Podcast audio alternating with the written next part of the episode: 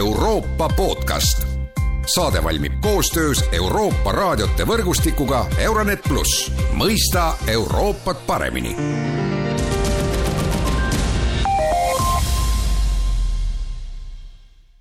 tere päevast ja tere kuulama Euroopa podcasti. Ukraina julgeolekukriisi valguses on Euroopa Liit üritanud suurendada oma energeetilist varustuskindlust. kuidas täpsemalt, sellest teeme tänases Euroopa podcastis juttu Euroopa Komisjoni energeetikavoliniku Kadri Simsoniga, tere päevast!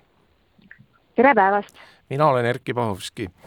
ja no alustame üldse sellest varustuskindlusest, noh tegelikult on ju sellest räägitud pidevalt ja, ja mitte nüüd ainult äh, seoses selle viimase julgeolekukriisiga, vaid ka juba ammu-ammu, eelmise kümnendi lõpus ju Venemaa keeras gaasid kinni, kinni ja, ja Ukraina, Ukrainat ja tervet Euroopat tabas suur äh, energiakriis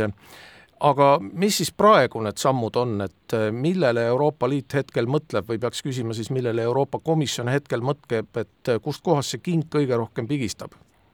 tõepoolest, äh, me oleme võrratult paremas positsioonis võrreldes eelmise energiakriisiga, kui mitmes liikmesriigis oligi ainult üks gaasiga varustamise viis sellest ajast alates ehk siis viimase kaheteistkümne aastaga on palju investeeritud äh, erinevatesse, ütleme nii, erinevatesse LNG terminalidesse, aga ka Euroopa Liidu enda liikmesriikide parenda, paremasse ühendusse. nii et ka neis riikides, kus tavapäraselt tuleb maagaas idast läände, on võimalik äh, kasutada siis äh, tagasi gaasi toimetamist äh, läänest itta, kui selleks vajadus toimub. millele me eelkõige tähelepanu praegu pöörame, on siis ähm, võimalikeks riskistsenaariumiteks, kui Euroopa Liidus sõltumata ilmaoludest ähm, tekib olukord, kus on maagaasist puudus ja, ja me oleme ära kaardistanud, et millised on meie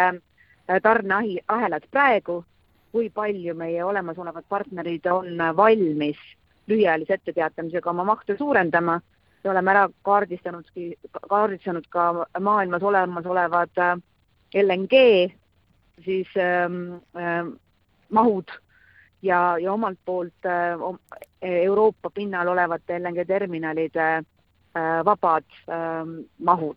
sest äh, juba jaanuaris äh, saabus Euroopasse läbi ajaloo kõige suurem äh, kogus LNG-d, valdavalt USA-st. see tähendas, et Euroopa Liidus ähm, olemasolevatest LNG terminalidest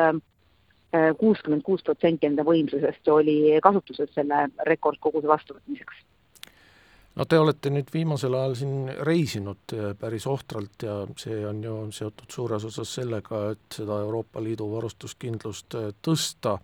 no mina leidsin siin pressiteadetest ja muudest artiklitest neli riiki, kus te käisite, Katar, Aserbaidžaan, USA ja Senegal, et et võib-olla lühiülevaade siis nendest käikudest, et noh, Katar ja Aserbaidžaan on tegelikult ju riigid, kuhu, kuhu võib-olla kohe ei satu ja noh, Senegal samamoodi jah, tõepoolest ja ees on veel äh, lähipäevadel kohtumine Egiptusega, mil parasjagu äh, Brüsselis on toimumas Aafrika tippkohtumine. Egiptus on samuti oluline LNG tarnija. järgmisel nädalal ootame Brüsselisse ähm, Norra peaministrit ähm, koos äh, valdkonnaministriga ja Equinori juhtidega. nii et need kontaktid on pidevad ja nad ei saanud algust sellel aastal, me valmistusime olukorraks juba alates eelmisest sügisest aga mm, tõepoolest, LNG, eh, vedelgaas on kaubeldav eh, maailmas ja möödunud sügisel me nägime, et Hiina ähm, püüdis oma majandust ähm, ja kasvanud, väga kiiresti kasvanud energiavajadust katta siis ähm, lisakogustega, mida ta ostis maailmaturult märkimisväärselt kõrgema hinnaga, kui Euroopa kauplejad olid valmis maksma. ja, ja ilmselt selline lisa nõudlus Hiina poolt jääb aastateks. seega tuleb ära kaardistada LNG tootjate poolt valmisolek kiiresti oma mahte suurendada ja Euroopas äh, on suurimaks tarnijaks LNG mõttes praeguseks hetkeks ühend äh, USA, aga, aga nelikümmend protsenti tuleb ka Katarist. nii et äh, need käigud siis Katari ja USA-sse olidki teada saamaks, mis on äh, takistuseks, et nende tootjad äh, ei saa mahte suurendada või kui neid takistusi ei ole, siis kui kiiresti nad saavad oma mahte suurendada. aga mis te siis Nüüd, teada saite?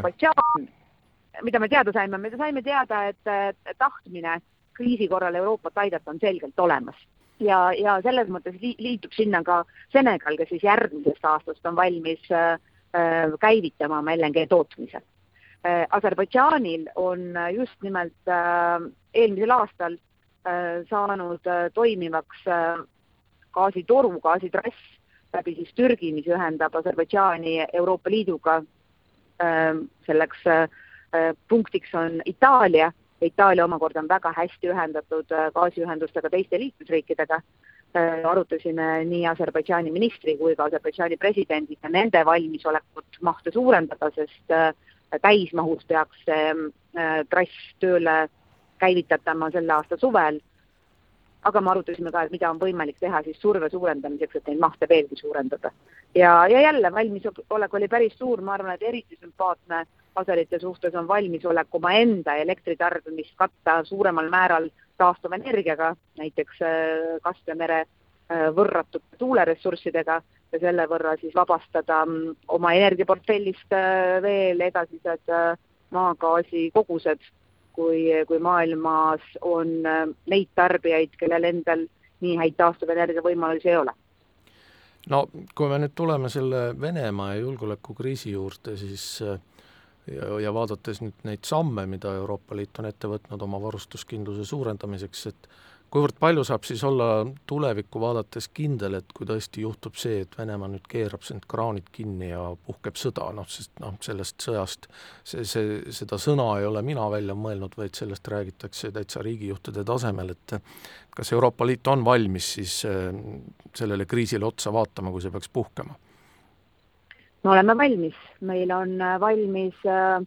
äh, erinevad riskistsenaariumid loomulikult lühidas plaanis on äh,, läheb see meile ka kalliks maksma, et äh, sellised olukorrad ei ole äh, kellelegi äh, kerged.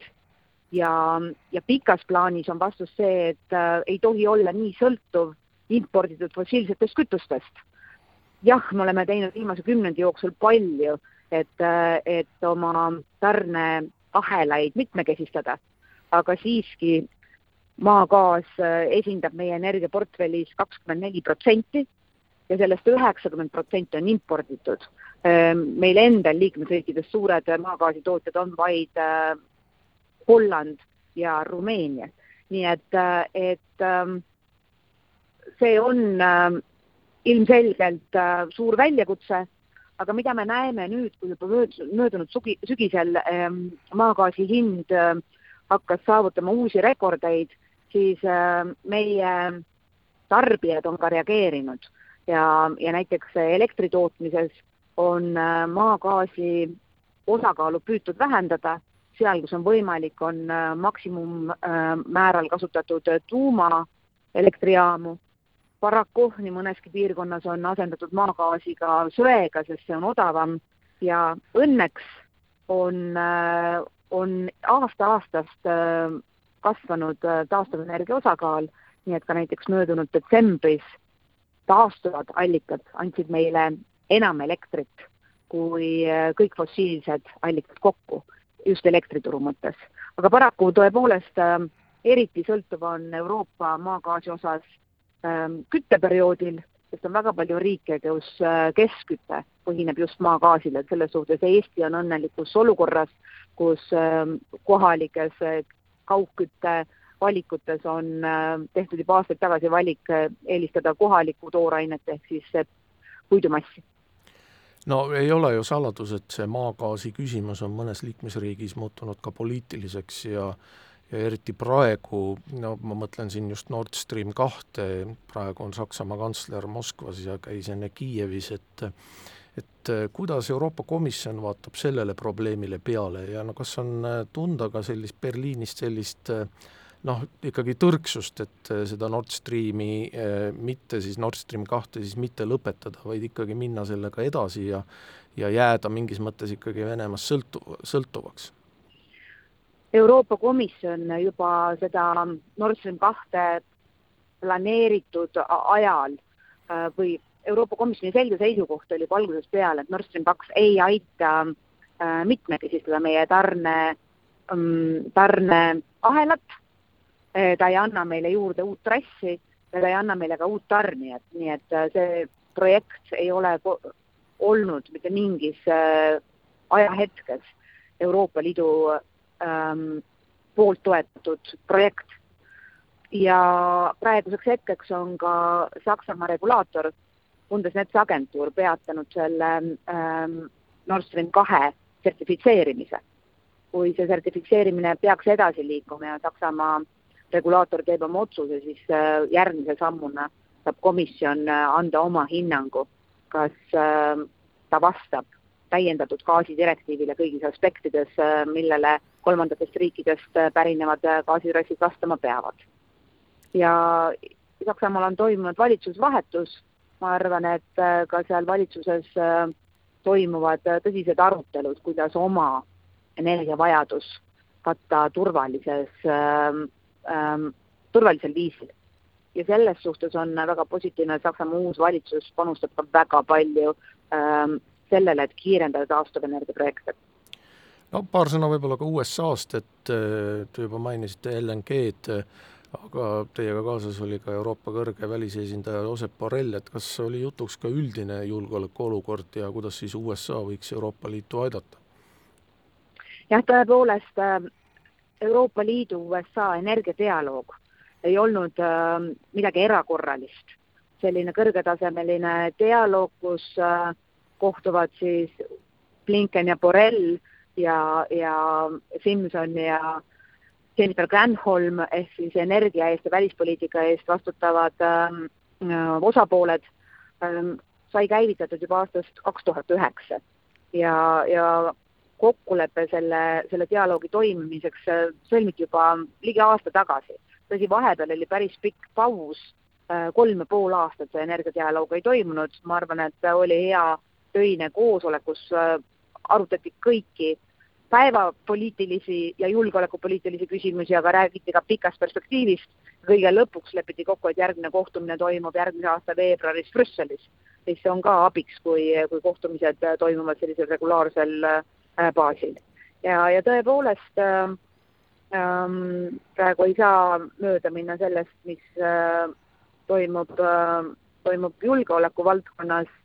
äh, lisaks äh,, lisaks ametlikule energiadialoogi formaadile toimusid kohtumised ka senaatorite ja kongressmenidega ja,